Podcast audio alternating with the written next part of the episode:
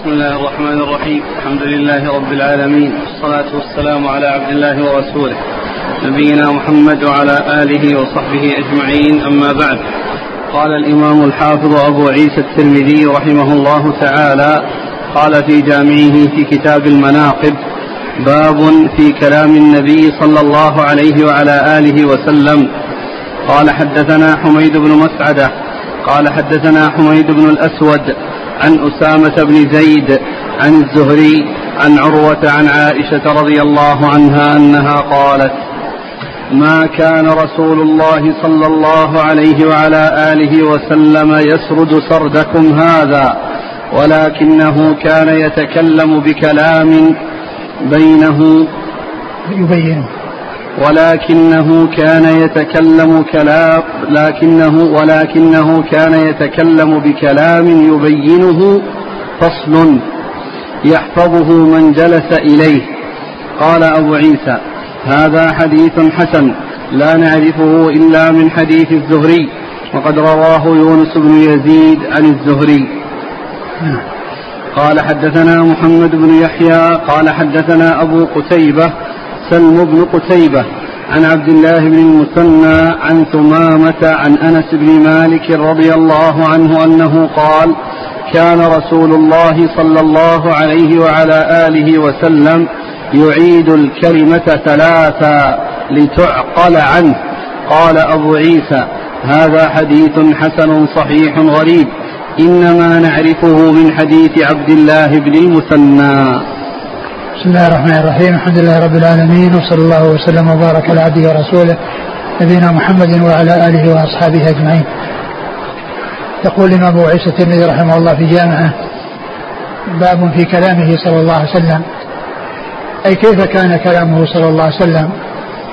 كيف كان يتكلم ويحدث أصحابه بالحديث؟ ثم ورد حديث عائشة رضي الله تعالى عنها أنها قالت ما كان رسول الله صلى الله عليه وسلم يسرد سردكم هذا. يعني ما كان يتكلم بكلام مسرود كما يحصل من بعض الناس حيث يكون الكلام مت... كلامه متتابعا. وإنما كان كلامه صلى الله عليه وسلم كان فصلا كان يتكلم بكلام يبينه بحيث يعني لا يدخل بعضه في بعض ولا يشتبه بعضه ببعض.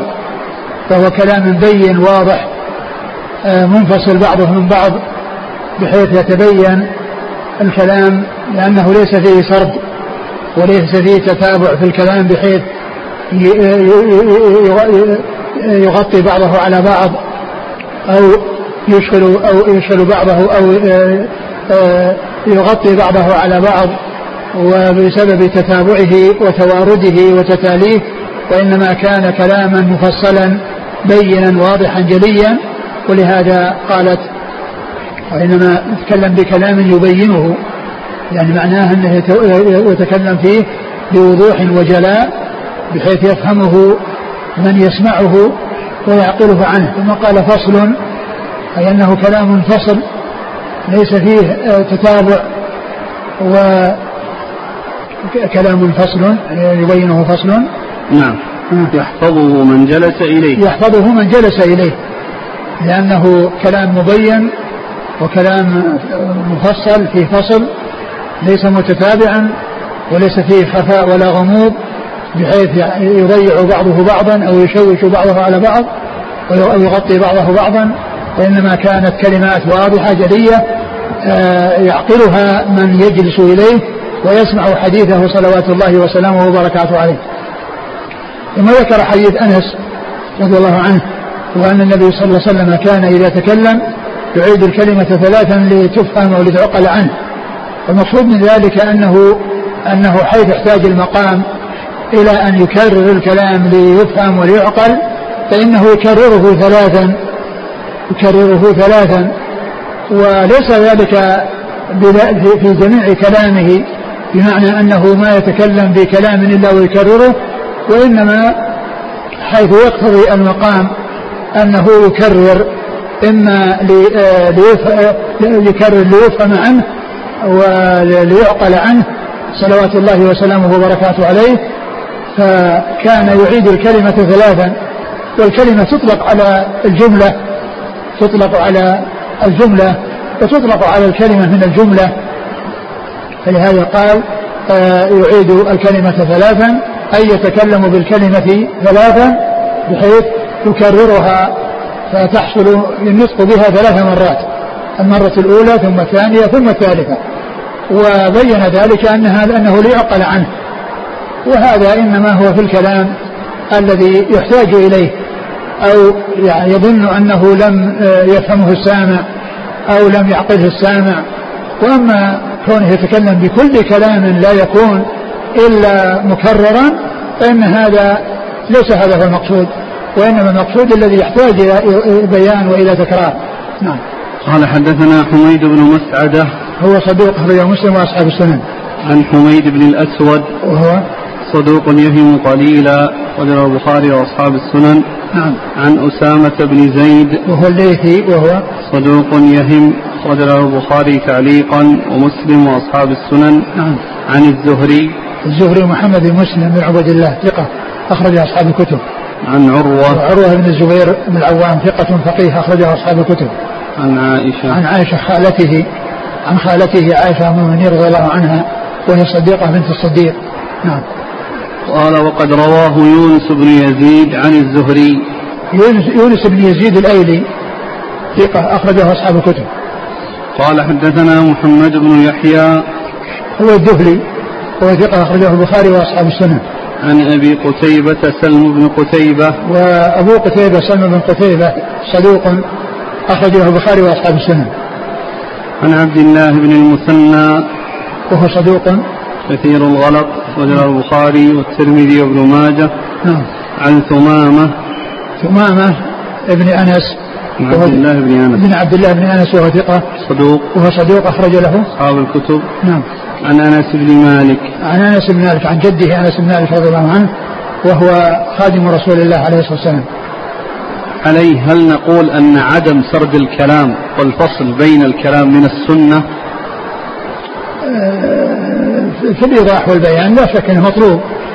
أن الإنسان أن يحرص على أن يبين كلامه وأن يوضحه وأن يكون آه، جليا.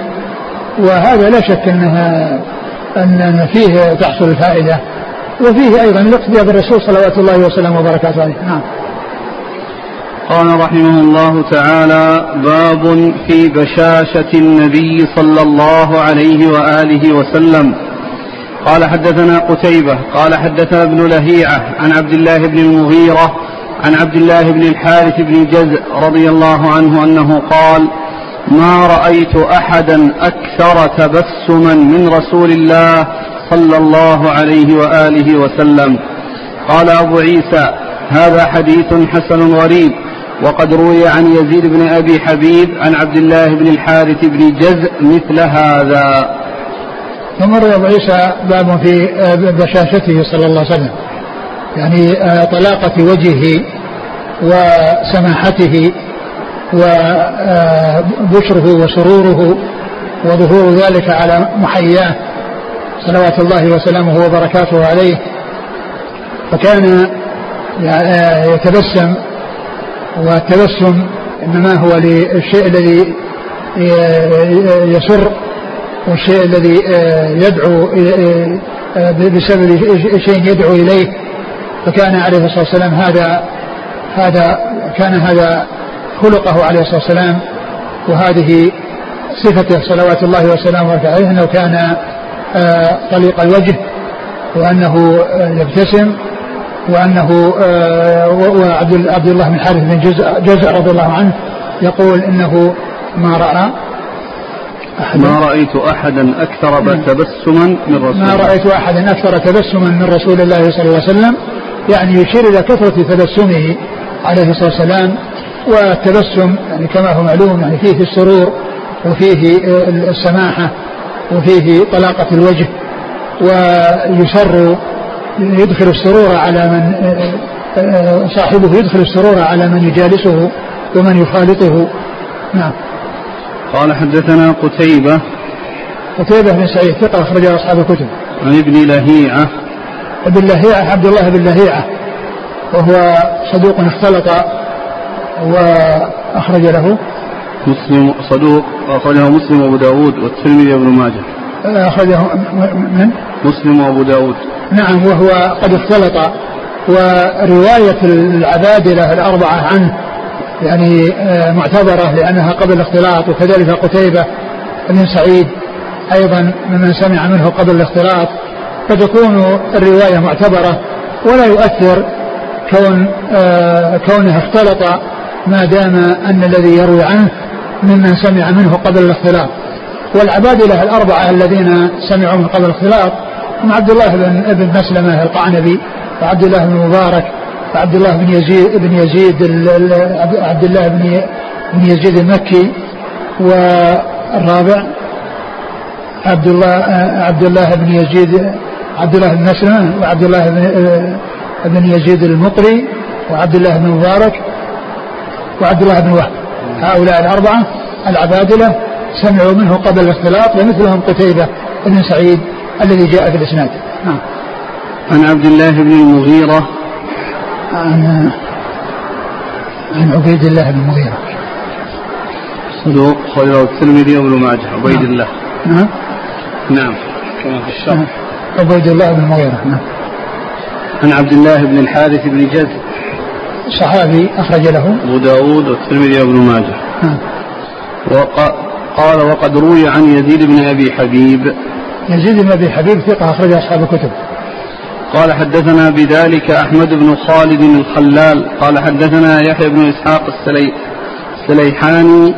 قال حدثنا الليث بن سعد عن يزيد بن أبي حبيب عن عبد الله بن الحارث بن جز قال ما كان ضحك رسول الله صلى الله عليه وسلم إلا تبسما.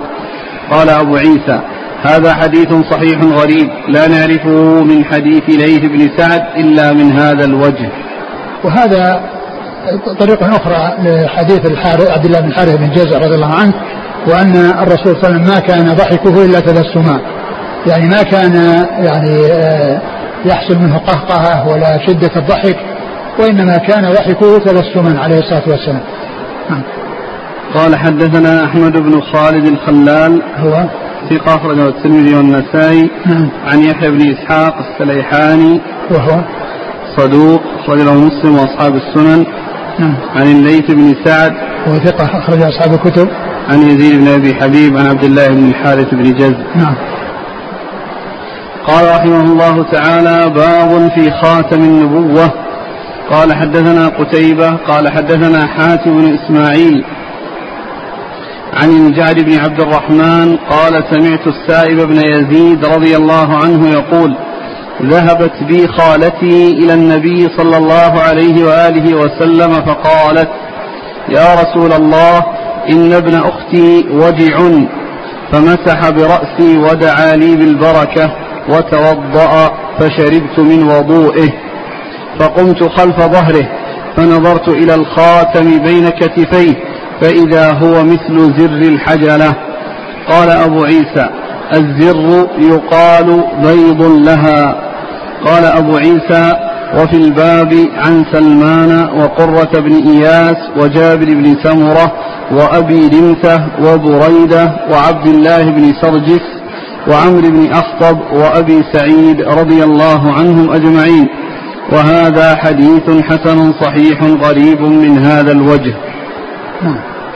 قال حدثنا سعيد بن يعقوب الطالقاني قال حدثنا أيوب بن جابر عن سماك عن جابر بن سمرة رضي الله عنهما أنه قال كان خاتم رسول الله صلى الله عليه وعلى آله وسلم يعني الذي بين كتفيه غدة حمراء مثل بيضة الحمامة قال أبو عيسى هذا حديث حسن صحيح.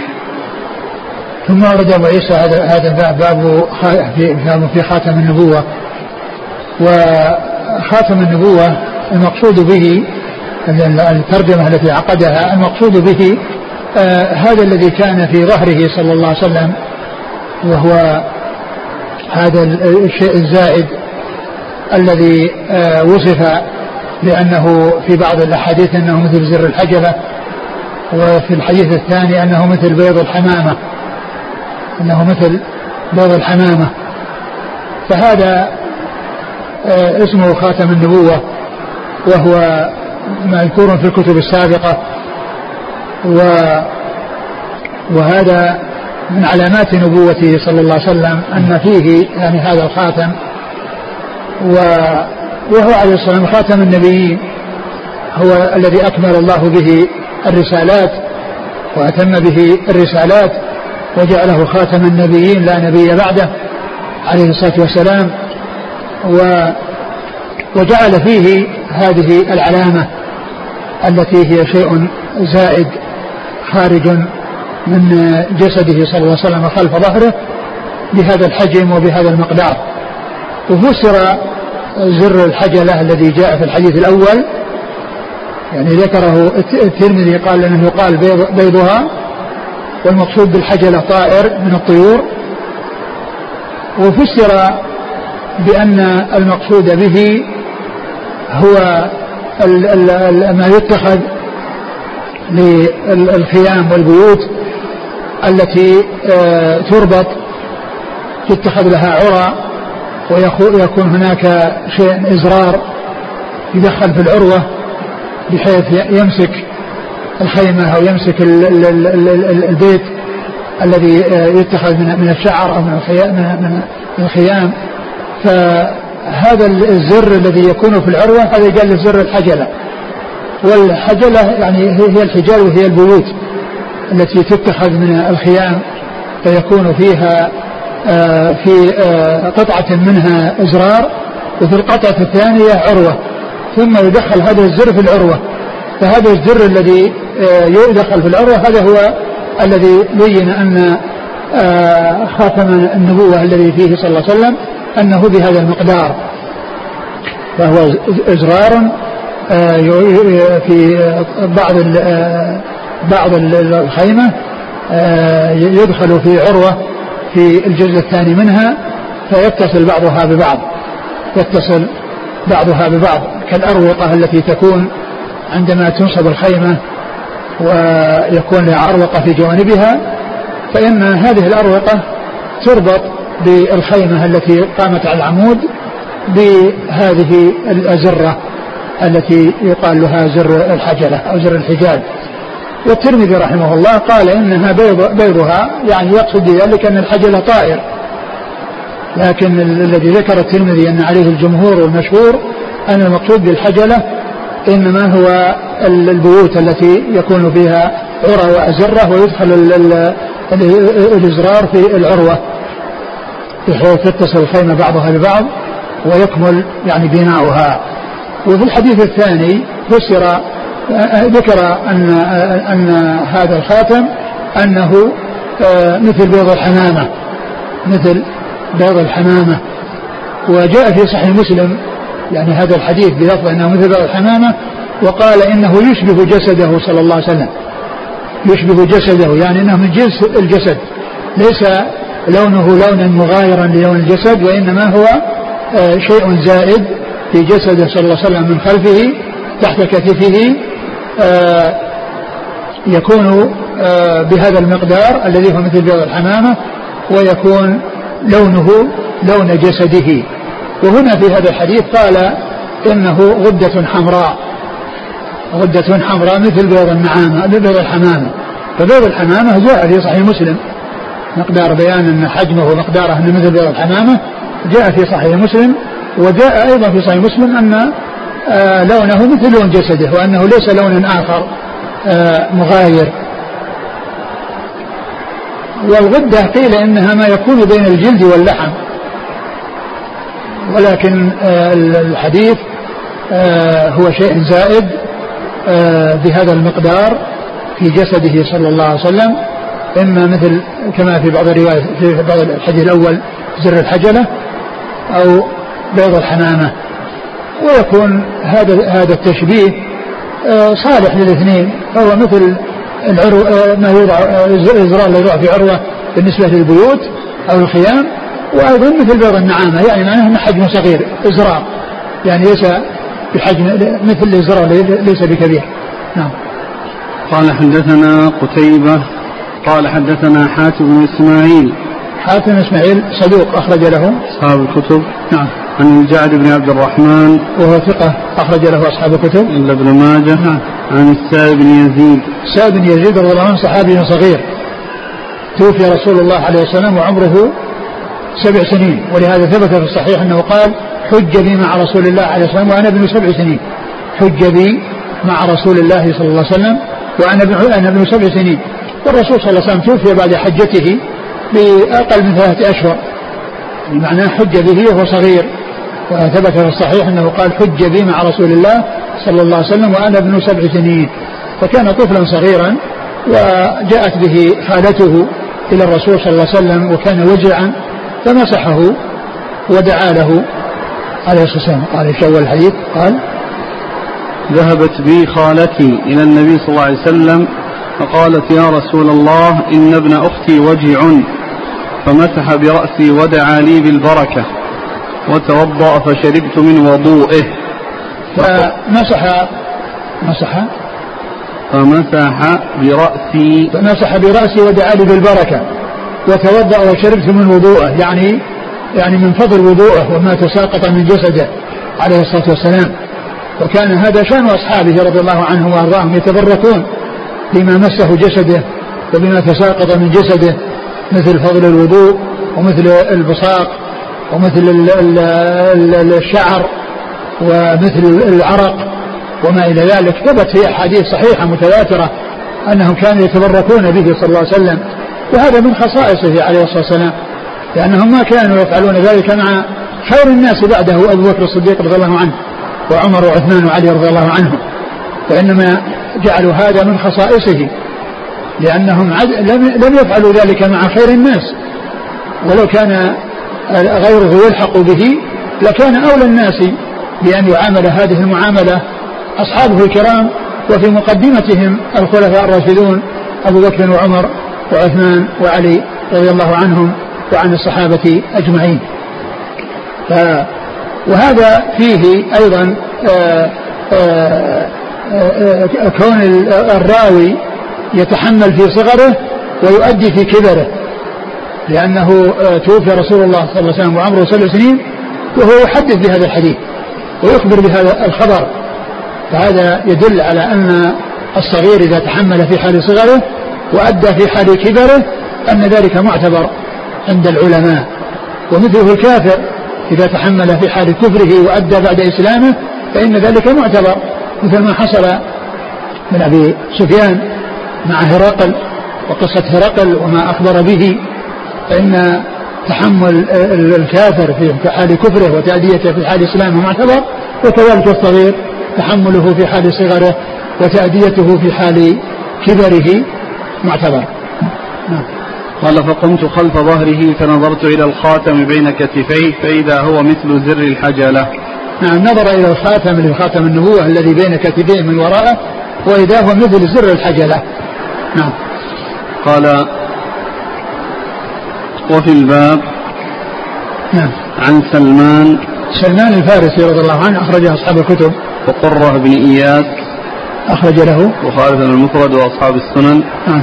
وجابر بن سمرة أخرج له أصحاب الكتب. وأبي رمثة أخرج له. أبو داود والترمذي والنسائي نعم. وبريدة بريدة بن حسيب الأسلمي أخرج له أصحاب الكتب. وعبد الله بن شرجس أخرج له. مسلم وأصحاب السنن نعم. وعمر بن أخطب. وهذا أبو زيد الذي مر بنا قريبا. أخرج له. مسلم وأصحاب السنن نعم. وأبي سعيد. أبو سعيد الخدري سعد بن مالك بن سنان أحد السبعة المكثرين من حديث الرسول صلى الله عليه وسلم. قال حدثنا سعيد بن يعقوب الطالقاني. هو؟ ثقة أخرجه أبو داود والترمذي والنسائي. مم. عن أيوب بن جابر. وهو ضعيف. وغير البخاري في القراءة وأبو داود والترمذي نعم. عن سماك سماك بن حرب صدوق خرجه البخاري تعليقا ومسلم وأصحاب السنن عن جابر بن سمرة. جابر بن سمرة رضي الله عنه أخرجه أصحاب الكتب. والحديث كما ذكرت في صحيح مسلم. يعني آه، بلفظ أنه مثل بيض الحمامة وأنه يشبه جسده صلى الله عليه وسلم. يعني أن لون هذه آه، هذا الخاتم الذي هو بارز من جسده صلى الله عليه وسلم أن لونه لون جسده فليس لونه لون آخر مغايرا للون جسده عليه الصلاة والسلام. نعم. كذلك مر أن الخاتم مثل التفاحة. نعم هذاك في حديث الراهب قصة الراهب الذي نعم قال مثل التفاحة. وذاك الحديث كما عرفنا فيه يعني شيء من الأشياء المنكرة ويمكن أن يكون يعني أنه يعني شيء صغير إذا كان إذا كان لأن هذا موجود في الكتب السابقة وهذا أخبر به يعني عن عما كان يعرفونه عنه ويعلمونه عنه في كتبهم. فإذا كان يعني ذلك محفوظا فيكون الحجم مثل هذا الحجم الذي هو مثل زر الحجلة أو آه، أو آه، آه، بيض الحمامة. نعم. أو أنه يعني مثل ما قال بعض أهل العلم أنه الشارع ذكر يعني رقم بعض العلم أنه أحيانا يكبر وأحيانا يصفر وأن يعني كل ذكره على حسب يعني ما شاهده. نعم. قال رحمه الله تعالى باب في صفة النبي صلى الله عليه وآله وسلم. قال حدثنا أحمد بن منيع قال حدثنا عباد بن العوام قال أخبرنا الحجاج عن سماك بن حرب عن جابر بن سمرة رضي الله عنهما أنه قال كان في ساقي رسول الله صلى الله عليه وآله وسلم حموشة وكان لا يضحك إلا تبسما. وكنت إذا نظرت إليه قلت أكحل العينين وليس بأكحل. قال أبو عيسى هذا حديث حسن غريب من هذا الوجه صحيح. ثم ذكر أبو عيسى صفته صلى الله عليه وسلم وهذا سبق أن مر ذكر هذه الترجمة باب صفة النبي صلى الله عليه وسلم. وذكر جملة من الأحاديث في بيان أوصافه الخلقي الخلقية عليه الصلاة والسلام. وبعضها فيه أوصاف خلقية. وقد عرفنا فيما مضى أن وصف الرسول صلى الله عليه وسلم يكون فيما يتعلق بخلقته التي خلقه الله عليها وكذلك أيضا في أخلاقه الكريمة الذي جبله الله عليها واتصف بها صلوات الله وسلامه وبركاته كالكرم والجود والشجاعة وغير ذلك. ف ولهذا كما قلت في الدرس الماضي إن المحدثين آه، يعرفون الحديث بأنه ما أضيف إلى النبي صلى الله عليه وسلم من قول أو فعل أو تقرير أو وصف خلقي أو خلقي. أو وصف خلقي أو خلقي. يعتبرون هذا من الحديث. ومن جملة الأحاديث. يعني سواء كان من أقواله أو أفعاله أو تقريراته أو ما يتعلق بوصفه وصف خلقته أو أخلاقه عليه الصلاة والسلام. كل هذا يقال له الحديث. ويطلق عليه اسم الحديث ويدخل تحت اسم مسمى الحديث. وقد أورد أبو عيسى هذا الحديث قال كان متن؟ كان في ساقي رسول الله صلى الله عليه وسلم حموشة. كان في ساقي حموشة يعني معناه إنها يعني إنها خفيفة يعني ليست آه، يعني آه، متينة أو آه، وإنما كان فيها خفة. يعني فكان أخمش الساقين يعني فيها خفة وليس فيها غلظ. نعم. وكان لا يضحك إلا تبسما. وكان لا يضحك إلا تبسما مثل ما مر في الحديث السابق. وكنت إذا نظرت إليه قلت أكحل العينين وليس بأكحل. وكنت إذا نظرت إليه قلت أكحل العينين وليس بأكحل. يعني أنه آه أن أن أن أن, أن وصفه الخلقي أنه آه آه متصف بهذا الوصف الذي هو الكحل. ولكن آه، كان يعني يقول إنه أكحل عين وليس بأكحل يعني أن هناك خلقة وهناك شيء يحصل عن طريق الاستعمال الذي هو التكحل والكحل واستعمال الكحل وهناك كحل خلقي وهناك شيء مكتسب يحصل عن طريق الكحل والاتحاد. فيقول إنه يقول إنه إيش؟ إذا نظرت إليه قلت أكحل العينين وليس بأكحل قلت أكحل العينين وليس بأكحل يعني أنه آه، قد استعمل الكحل وليس الأمر كذلك وإنما هو شيء خلقي خلقه الله عليه وجعله عليه صلوات الله وسلامه وبركاته عليه يعني أن ما كان آه، فيه أو في عينيه من هذا الوصف إنما هو خلقة ولم يكن تخلقا أو لم يكن آه، آه، شيء عن طريق الاكتحال ولهذا يقولون ليس التكحل في العينين كالكحل. ليس التكحل في العينين كالكحل. يعني ليس الشيء الذي يكتسب ويعمل على تحصيله مثل الشيء الذي جبل الله عز وجل الإنسان عليه وجعل آه، وصفه. آه، وجعله متصفا به. نعم. قال حدثنا أحمد بن منيع وثقة أخرج أصحاب الكتب. عن عباد بن العوام وهو ثقة أخرج أصحاب الكتب. نعم. عن الحجاج. والحجاج بن الحجاج بن أرطاة. وهو صدوق كثير الخطأ والتدليس. نعم. وذا البخاري في المفرد ومسلم وأصحاب السنن. نعم. عن سماك. نعم. عن جابر بن سمرة. نعم. الحديث في اسناد الحجاج بن أرطاه وهو وهو كثير الخطأ وأيضا يدلس.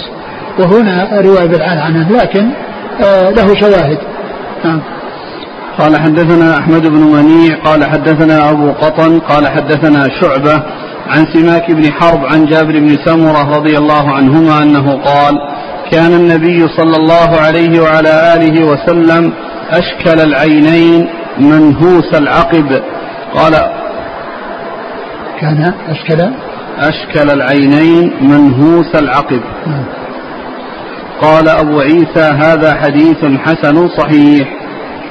ثم ذكر أبو عيسى يعني هذا الحديث عن جابر بن سمرة في وصف خلقته صلى الله عليه وسلم وأنه كان كان أخمش كان أشكل العينين. كان أشكل العينين. يعني فسر الشكل بأنه اتساع العين وطولها يعني من ناحية العرض وفسر بأنه وصف ل يعني لنفس العين ويعني يكون يعني في بياضها يعني وصف لبياضها. وقد سبق أن مر بنا أن الكمال أو أن الوصف الجميل في الأعين أن يكون شدة سواد في شدة بياض شدة سواد في شدة بياض نعم. وهذا هو الكحل الذي هو جبلة وخلقة. نعم. قال حدثنا أحمد بن منيع عن أبي قطن. أبو قطن ثقة أخرج له. البخاري المفرد ومسلم وأصحاب السنن. نعم. عن شعبة. شعبة في الحجاج الواسطي ثقة أخرج أصحاب الكتب. قال حدثنا أبو موسى محمد بن المثنى قال حدثنا محمد بن جعفر قال حدثنا شعبة عن سماك بن حرب عن جابر بن سمرة رضي الله عنهما أنه قال كان رسول الله صلى الله عليه وعلى آله وسلم ضليع الفم أشكل العينين منهوس العقب. قال شعبة قلت لسماك ما ضليع الفم؟ قال واسع الفم. قلت ما أشكل العين؟ قال طويل شق العين. قال قلت ما منهوس العقب قال قليل اللحم. قال أبو عيسى هذا حديث حسن صحيح. ثم ذكر أبو عيسى هذا الحديث في بيان آه وصفه صلى الله عليه وسلم من ناحية فمه وأنه ضلع الفم يعني واسع الفم وأنه منكوس منهوس من إيش؟ منهوس العقد. من؟ منهوس منهوس وفي بعض الروايات منهوش والذي هو وقد فسره بأنه خفيف اللحم. نعم و وأشكل الثالث. وأشكل العين قال طويل شق العين. نعم. والثالث. ضليع الفم ضليع أشكل الفم. العينين نعم. منهوس العقب. نعم يعني واسع الفم آه منهوس العقب يعني خفيف اللحم وهو مثل ما مر سابقا. آه وكذلك أيضا آه آه كونه أشكل العينين وفسر الشكل بهذا وبشيء آخر غير هذا نعم. قال حدثنا أبو موسى محمد بن المثنى. هو الزمن أبو آه العنزي ثقة أخرج أصحاب الكتب وهو شيخ لأصحاب الكتب. عن محمد بن جعفر. وهو ملقب وندر ثقة أخرج أصحاب الكتب. مر في حديث أنه ضخم الكراديس. ألا يعارض منهوس العقد لا يعني ما لأن العظام يعني هذا قلة العهد وكراديس العظام. تنبيه على الطلاب. المطلوب من الإخوان الذين يأخذون المساعدات والزكوات أن كل واحد منهم يكتب اسمه في ورقة صغيرة تكون مشتملة على اسمه وعلى بلده وعلى توقيعه وعلى تاريخ اليوم. قال حدثنا قتيبة قال حدثنا ابن لهيعة عن أبي يونس عن أبي هريرة رضي الله عنه أنه قال ما رأيت شيئا أحسن من رسول الله صلى الله عليه وسلم في مشيته كأنما الأرض تطوى له إنا لنجهد أنفسنا وإنه لغير مكترث. قال هذا حديث غريب. حدثنا؟ قال حدثنا قتيبة قال حدثنا ابن لهيعة عن أبي يونس عن أبي هريرة. نعم ثم ذكر أبو عيسى هذا الحديث في مشيه صلى الله عليه وسلم وأنه آه، كان إيش؟ ما قال ما رأيت شيئا أحسن من رسول الله صلى الله عليه وسلم في مشيته كأنما الأرض تطوى له. يعني ما رأى أحدا أحسن مشية من رسول الله صلى الله عليه وسلم يعني كأنما الأرض تطوى له وقد سبق أن مر في الحديث أنه كان كأنما ينحدر من صبب يعني ليس يعني آه، يمشي مشي الكسالى آه، أو مشي المتكبرين وإنما كان آه، بهذا الوصف كأنما ينحدر من صبب وهنا يعني يقول كأن الأرض تطوى له يعني معناه أنه يمشي لكن ليس المشي الذي فيه جري وإنما فيه جد وفيه حركة وليس فيه تثاقل وليس فيه تباطؤ فكأن كأنما الأرض تطوى له وكان وكانوا يمشون وراءه يعني فيحصل لهم التعب وهو لم يكترث ولم يتأثر. صلوات الله وسلامه وبركاته عليه. نعم الإسناد. قال حدثنا قتيبة عن ابن لهيعة عن أبي يونس. أبو يونس هو سليم بن جابر. نعم. أخرج له. ابن جبير أخرجه ثقة أخرجه البخاري. ابن جبير. نعم. نعم أخرج البخاري في المفرد ومسلم وأبو داود والترمذي. قال هو إيش؟ اسمه؟ سليم ولا سليم؟ سليم بن جبير. سليم سليم بن جبير. نعم نعم عن أبي هريرة. نعم رضي الله عنه عبد الرحمن بن عبد الرحمن بن صخر وهو أكثر الصحابة حديثا. والحديث من رواية قتيبة عن ابن لهيعة وقد مر في حديث سابق أن أن قتيبة ممن روى عن ابن لهيعة قبل الاختلاط. آه. فحكم الترمذي قال حديث غريب. يعني هذا في تضعيف له لكن يمكن من أجل مع أنه أحيانا يصحح حديث ابن لهيعة أو يحسنه. نعم قال حدثنا قتيبة قال حدثنا الليث. عن أبي الزبير عن جابر رضي الله عنه أن رسول الله صلى الله عليه وعلى آله وسلم قال عرض علي الأنبياء فإذا موسى ضرب من الرجال كأنه من رجال شنوءة.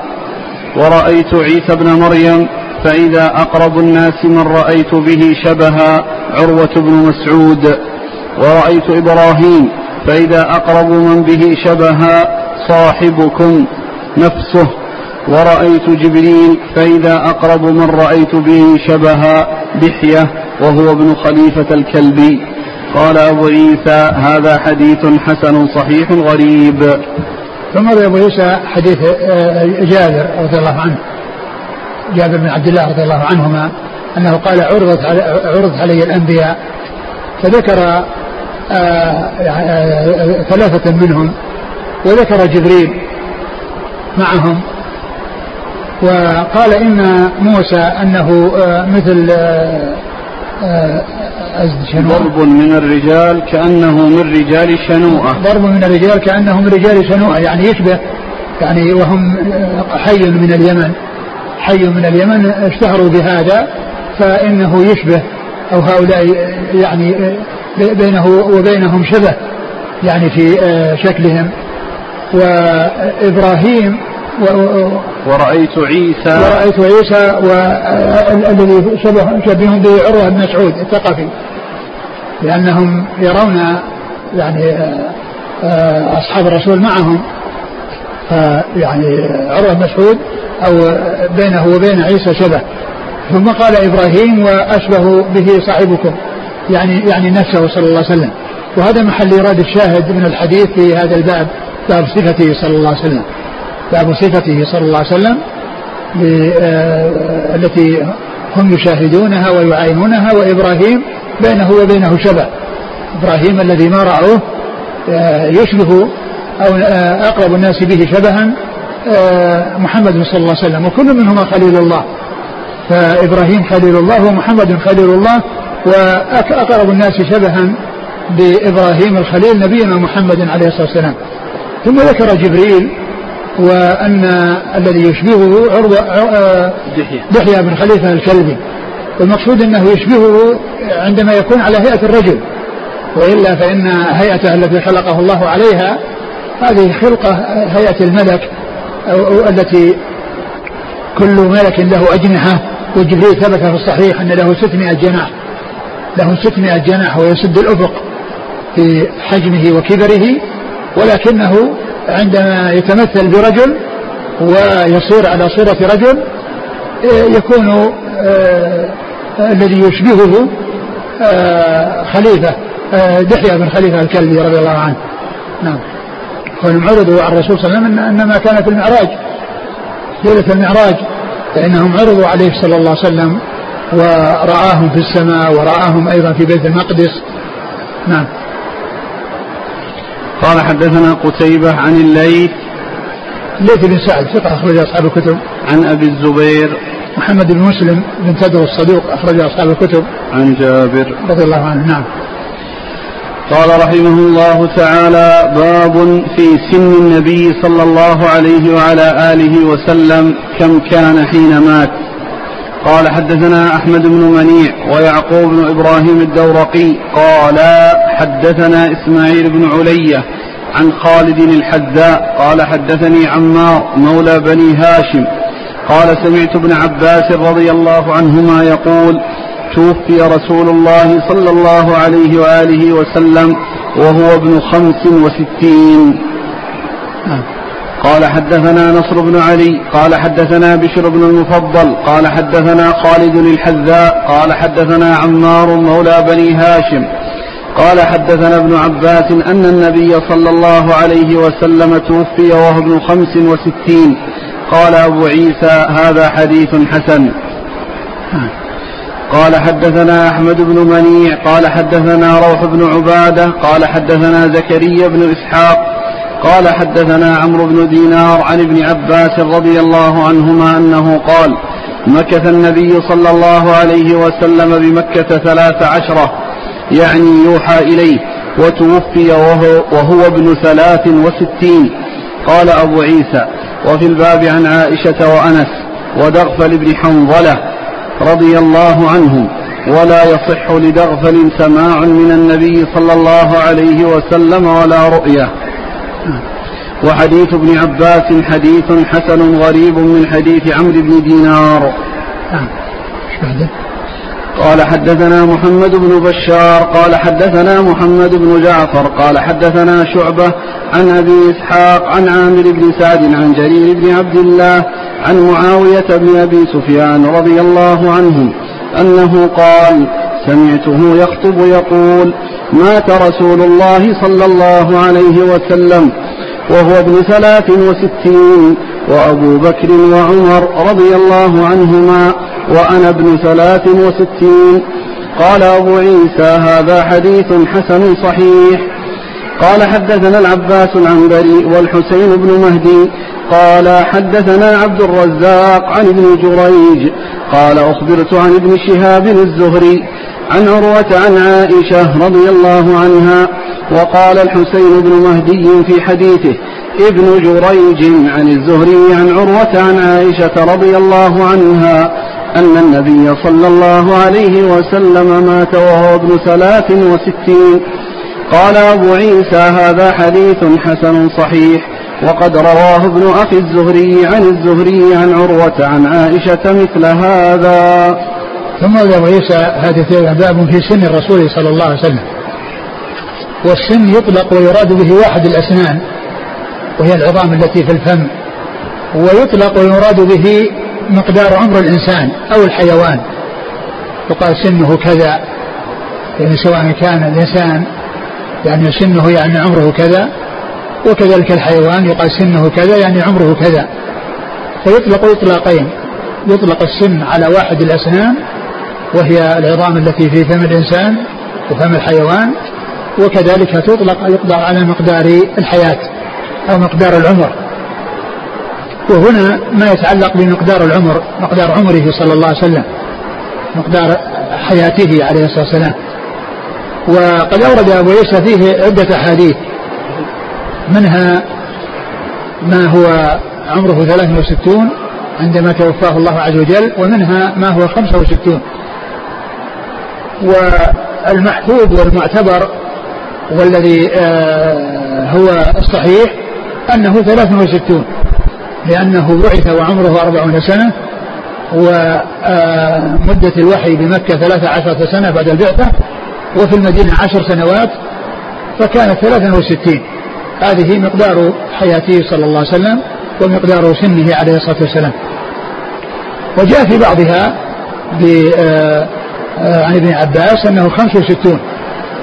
وقد فسر أو جمع بينه وبين ما قبله إما أن يقال بأنه ما حسب آه، تاريخ الولادة ولا تاريخ الوفاة فيكون يعني 63 يطابق الحديث الآخر أو أنه يكون شاذا يعني معناه المحفوظ هو المحفوظ هو كون 63 وغيره يكون شاذا لأنه وإن كان إسناده صحيح إلا أن المعتبر هو الأول لأن هذا هو الذي آه، عليه الثقات ورواية الثقة أو لمن هو أوثق منه يقال لها شاذ يعني حيث لا يمكن الجمع. وبعض العلماء جمع فقال إنه بعدم ذكر سنة الولادة وسنة الوفاة يكون المجموع 63 والحديث الأول حديث ابن عباس قال توفي رسول الله عمره 65 وهذا كما عرفنا آه، غير المحفوظ المحفوظ 63 والثاني؟ حديث ابن عباس؟ كذلك. أيضا 65 نعم, نعم. بعده. ثم حديث ابن عباس مكث النبي صلى الله عليه وسلم بمكة ثلاث عشرة يوحى إليه وتوفي وهو ابن ثلاث وستين. هذا وهذا هو المحفوظ. يعني ابن عباس نفسه جاء عن هذا وجاء عن هذا وجاء عن غيره. هذا الذي هو ثلاث وستون. نعم. ثم حديث معاوية.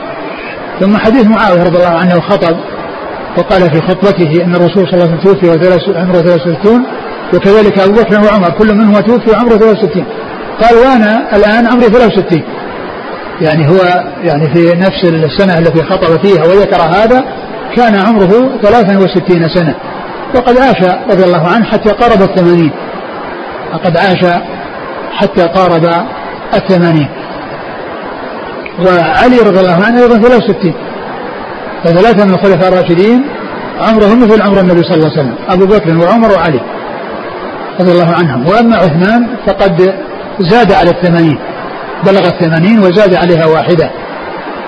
رضي الله تعالى عن الجميع. نعم. ثم حديث عائشة مات وهو ابن 63 نعم وأتوه ابن 63 وهذا أيضا موافق. متفق مع حديث ابن عباس الذي فيه أنه 63 فإذا هذا هو المحفوظ وغيره يكون إما شاذا أو يجمع بما أشار إليه بعض العلم في آه، أنه لم يذكر تاريخ الولادة ولا تاريخ الوفاة. نعم. قال حدثنا أحمد بن منيع ويعقوب بن إبراهيم الدورقي. يعقوب بن إبراهيم الدورقي ثقة أخرج له. أصحاب الكتب. عن إسماعيل بن عليا يعقوب بن إبراهيم الدورقي هذا هذا شيخ لأصحاب الكتب الستة مثل محمد بن بشار ومثل محمد بن موسى آه أبو موسى محمد بن مثنى. هؤلاء الثلاثة شيوخ لأصحاب الكتب الستة وماتوا في سنة واحدة وهي سنة 52 52 و200 هؤلاء الثلاثة الذين شيوخ لأصحاب الكتب الستة يعقوب بن إبراهيم الدورقي ومحمد بن بشار ومحمد المثنى هؤلاء الثلاثة شيوخ لأصحاب الكتب الستة وقد ماتوا في سنة واحدة قبل وفاة البخاري بأربع سنوات. ماتوا هم من صغار شيوخ البخاري. وهم شيوخ لأصحاب الكتب الستة جميعا وماتوا قبل وفاة البخاري بأربع سنوات في سنة 52 و200 نعم. عن إسماعيل بن علية هو ثقة أخرج أصحاب الكتب وهو إسماعيل بن إبراهيم بن مقسم الأسدي مشهور بنسبته إلى أمه علية نعم. عن خالد الحذاء. خالد بن مهران الحذاء ثقة. أخرج له أصحاب الكتب. عن عمار مولى بني هاشم. عمار بني هاشم مولى بني هاشم هو؟ صدوق ربما أخطأ. خرج له مسلم وأصحاب السنن. نعم. عن ابن عباس. نعم. قال حدثنا نصر بن علي. نصر بن علي الجهضمي ثقة أخرج أصحاب الكتب. عن بشر بن المفضل. ثقة أخرج أصحاب الكتب. قال حدثنا أحمد بن منيع عن روح بن عبادة. ثقة أخرج أصحاب الكتب. عن زكريا بن إسحاق. وهو ثقة أخرج أصحاب الكتب. نعم. عن عمرو بن دينار. وهو ثقة أخرج أصحاب الكتب. قال وفي الباب عن عائشة وأنس. نعم. ودغفل بن حنظلة. أخرج له. الترمذي في الشمائل. نعم. ولا يصح لدغفل سماع من النبي صلى الله عليه وسلم ولا رؤية. نعم. قال حدثنا محمد بن بشار عن محمد بن جعفر عن شعبة نعم. عن أبي إسحاق. هو السبيعي عمرو بن عبد الله الهمداني السبيعي ثقة أخرج أصحاب الكتب. عن عامر بن سعد. عامر بن سعد هو؟ مقبول أخرج له مسلم وأبو داود الترمذي والنسائي. نعم. عن جرير بن عبد الله. البجلي رضي الله عنه أخرج له أصحاب الكتب. عن معاوية بن أبي سفيان. أمير المؤمنين وهو وقد أخرج له أصحاب الكتب. قال حدثنا العباس العنبري. العباس العنبري ثقة العباس بن عبد العزيز العنبري ثقة أخرجه البخاري تعليقا ومسلم وأصحاب السنة. والحسين بن مهدي هو؟ صدوق أخرج له الترمذي وابن ماجه. نعم. عن عبد الرزاق. ابن همام الصنعاني اليماني ثقة أخرج أصحاب الكتب. عن ابن جريج. عبد الملك بن عبد العزيز بن جريج المكي ثقة أخرج أصحاب الكتب. قال أخبرت عن ابن شهاب الزهري. ابن شهاب الزهري ما- هو م- الزهري محمد بن مسلم بن عبيد الله. عن عروة عن عائشة. نعم. الطريق الثاني. وقال الحسين بن مهدي في حديثه ابن جريج عن الزهري. نعم يعني ما قال أخبرته وإنما قال عن الزهري. قال وقد رواه ابن أخي الزهري عن الزهري. هو؟ محمد بن عبد الله مسلم صدوق له أوهام أخرجه أصحاب الكتب. نعم. باب مناقب أبي بكر. والله تعالى أعلم وصلى الله وسلم وبارك على عبده ورسوله نبينا محمد وعلى آله وأصحابه أجمعين. جزاكم الله خيرا وبارك الله فيكم. ألهمكم الله الصواب ووفقكم للحق. نفعنا الله بما سمعنا وغفر الله لنا ولكم وللمسلمين أجمعين. آمين.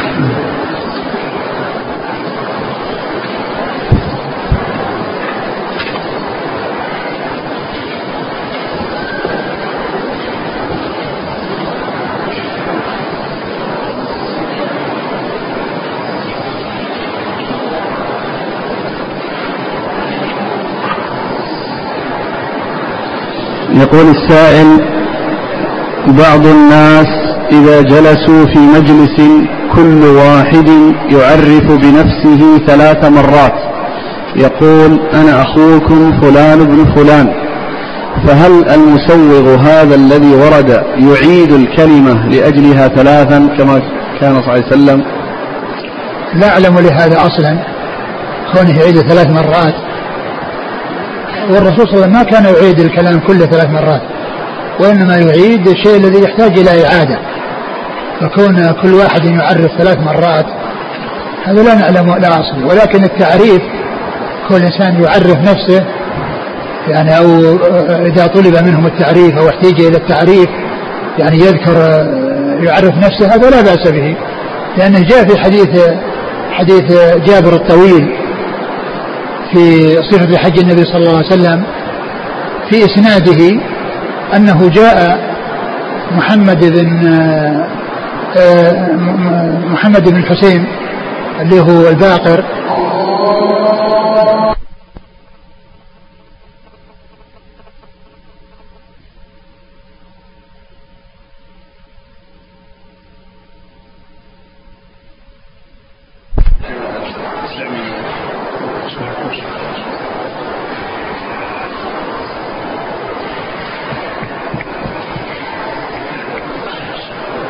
جابر بن عبد الله الأنصاري رضي الله تعالى عنهما لما جاء إليه محمد محمد محمد بن علي بن حسين أبو جعفر الباقر رحمة الله عليه جاء إلى جابر ومعه عدد وطلبوا منه أن يحدثهم فسألهم عن أسمائهم فلان فلان فلان حتى يعني آه، عرف منهم محمد بن علي بن الحسين فاستدناه وطلب منه أن يدعو منه. ثم كما في, في الإسناد في صحيح مسلم فتح زره الأعلى ثم زره الأسفل ثم يضع يده على صدره ثم جعل يحدثهم بالحديث الطويل من حديث جابر في صفة حجه صلى الله عليه وسلم. فهذا فيه التعريف عند عند الحاجة إليه كون الناس يعرف بعضهم بعضا أو الواحد يعرف بنفسه لا بأس بذلك. أما كونه يفعل ثلاث مرات أنا فلان فلان أنا فلان فلان أنا فلان فلان هذا ليس له وجه. نعم إذا احتج إلى أنه يعاد أو طلب منه الإعادة بأنه ما فهم آه الذي ذكره أو ما فهم اسمه أو اسم أبيه أو جده أو نسبته وطلب منه الإعادة نعم يعيد. أما كونه يكرر ذلك ثلاثا يعني لهذا الحديث الذي جاء فإن الرسول صلى الله عليه وسلم ما كان يكرر كل كلام ثلاث مرات وإنما حيث تدعو الحاجة إليه فهنا إذا جاءت الحاجة يكرر أما إذا لم تدعو الحاجة فإنه لا يكرر. نعم. يقول السائل هل الخاتم كان مع النبي صلى الله عليه وسلم من يوم ولادته أم بعد ولادته؟ في ذلك كلام للعلماء ولا نعرف ما نعرف شيئا واضحا في هذا. لا نعرف أو لا لا أعلم دليلا يعني يدل على أنه ولد وفيه هذا الخاتم أو أنه جاء بعد ذلك. والشارح ذكر اقوالا ثلاثة في بعض أهل العلم لكن ما ذكر شيئا يدل على شيء منها.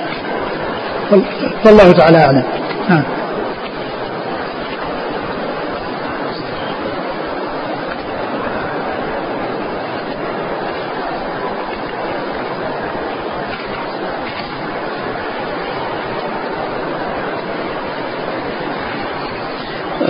ذكر الشارح عند قوله فمسح برأسي.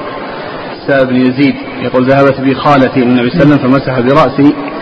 قال عطاء مولى السائب كان مقدم رأس السائب أسود وهو الموضع الذي مسحه النبي صلى الله عليه وسلم من رأسه وشاب ما سوى ذلك. رواه البيهقي والبغوي ذكره القسطلاني. نعم بس ما ندري عن صحته.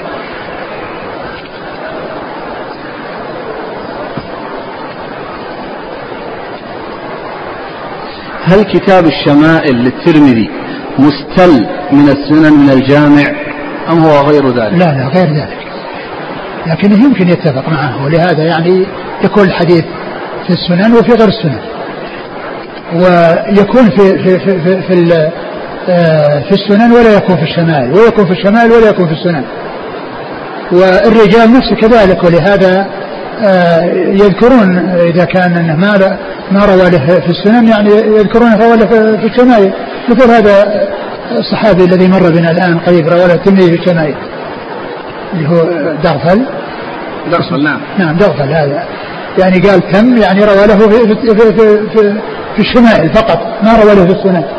يعني في الرجال أيضا قد يكونون في, في الشمائل ولا يكونون في رجال آه، كتاب الشمائل ولا يكون في رجال السنن.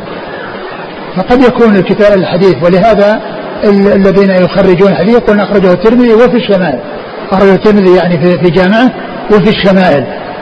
وأحيانا يكون في الشمائل دون الجامع وأحيانا يكون في الجامع دون الشمائل. يقول أيهم أجمل النبي صلى الله عليه وسلم أم يوسف؟ الرسول صلى الله عليه وسلم أخبر بأنه آه، أعطي شطر الحسن وكذلك جاء في وصفه صلى الله عليه وسلم بأنه آه، مثل القمر وكذلك يجري الشمس يعني في في في في وجهه صلى الله عليه وسلم آه، يعني في إضاءته وإشراقه. والله تعالى أعلم بالواقع من ناحية الجمال يعني هل جمال الذي ليوسف أتم أو الجمال الذي في الرسول صلى الله عليه وسلم أتم. ومعلوم أن أن أنه ولو حصل للمفضول يعني شيء يوصف به لا يدل على التفضيل أو تقدم على الفاضل.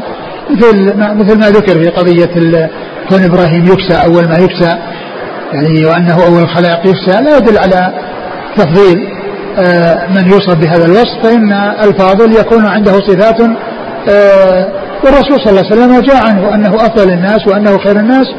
وأما من حيث جمال الصورة هل يوصف هذا؟ الله تعالى أعلم. هل من السنة التعبدية الاكتحال أم أنها من سنن العادات؟ والله ما أعلم يعني آه، أنها أنها سنة وأن الإنسان وإنما هي من الأشياء من الزينة التي آه، تفعل للحاجة. يقول آه، بعض الرقاة يكتب بعض الآيات مثل آية الكرسي والمعوذتين والإخلاص وبعض الأحاديث اللهم رب الناس أذهب البأس. ثم يقول للمريض ضعها في الماء ثم اشربها. ما حكم هذا العمل؟ ما أعلم دليل يدل على هذا. وبعض العلماء قال يعني بجواز مثل ذلك والذي يظهر أن الأولى ألا يفعل يكتفى بالرقية الثابتة. وأما هذا اللي يسمونه المحو أجازه بعض أهل العلم ولكن الأولى عدمه والاقتصار على الرقية التي جاءت عن الرسول صلى الله عليه وسلم. يقول كما درسنا أن النبي صلى الله عليه وسلم عندما يمشي فكأنه ينحدر من صبب. فلو أن أحدا يريد أن يمتثل أو يتمثل بمشيته صلى الله عليه وسلم هل يثاب وهل يعد هذا من الاتباع؟ كون الإنسان آه، آه، يمشي المشية التي ليس فيها تباطؤ ولا تثاقل ولا استكبار لا شك أن هذا مطلوب. أقول لا شك أن هذا مطلوب. والإنسان آه، لا يكون على هذه الهيئة المذمومة التي فيها استكبار وتكبر أو ثقل وخمول وفتور وإنما يكون صاحب جد واجتهاد. وإذا فعل مثل ما فعل الرسول صلى الله عليه وسلم. لا شك أن هذا يعني آه، شيء طيب. يقول ينوي صديق لي إنشاء تجارة بناء على قرض بنكي ربوي وأن يجعلني وكيلا له عليها. فهل أقبل؟ لا لا تقبل. ادخل في شيء واضح وفي شيء سليم ولا تدخل في مثل هذه المعاملة. إذا حضر طالب العلم عند أحد من أهل العلم وسمع منه مرة واحدة فقط فهل يعتبر شيخا له؟ وهل يحدث عن هذا الشيخ؟ من حيث الرواية من حيث الرواية كونه يحدث عنه بحديث يعتبر شيخا له. لكن من حيث التعلم وكونه يأتي يحضر له درس ثم راح قام تلميذ له هذا غير صحيح. التلميذ هو الذي يلازم ويستفيد من الشيخ وأما من حيث الرواية نعم. لأن التلاميذ يروون عن الشيوخ حدثنا فلان قال حدثنا فلان والأعلى أو الأنزل يعني تلميذ للأعلى فهو يعتبر من شيوخه ومن حيث الرواية يكون مقلا عن فلان ومكثرا عن فلان لكن من ناحية العلم كونه حضر درس من الدروس ثم قال من تلميذ فلان هذا غير صحيح. جزاكم الله خيرا. سبحانك اللهم وبحمدك أشهد أن لا إله إلا أنت.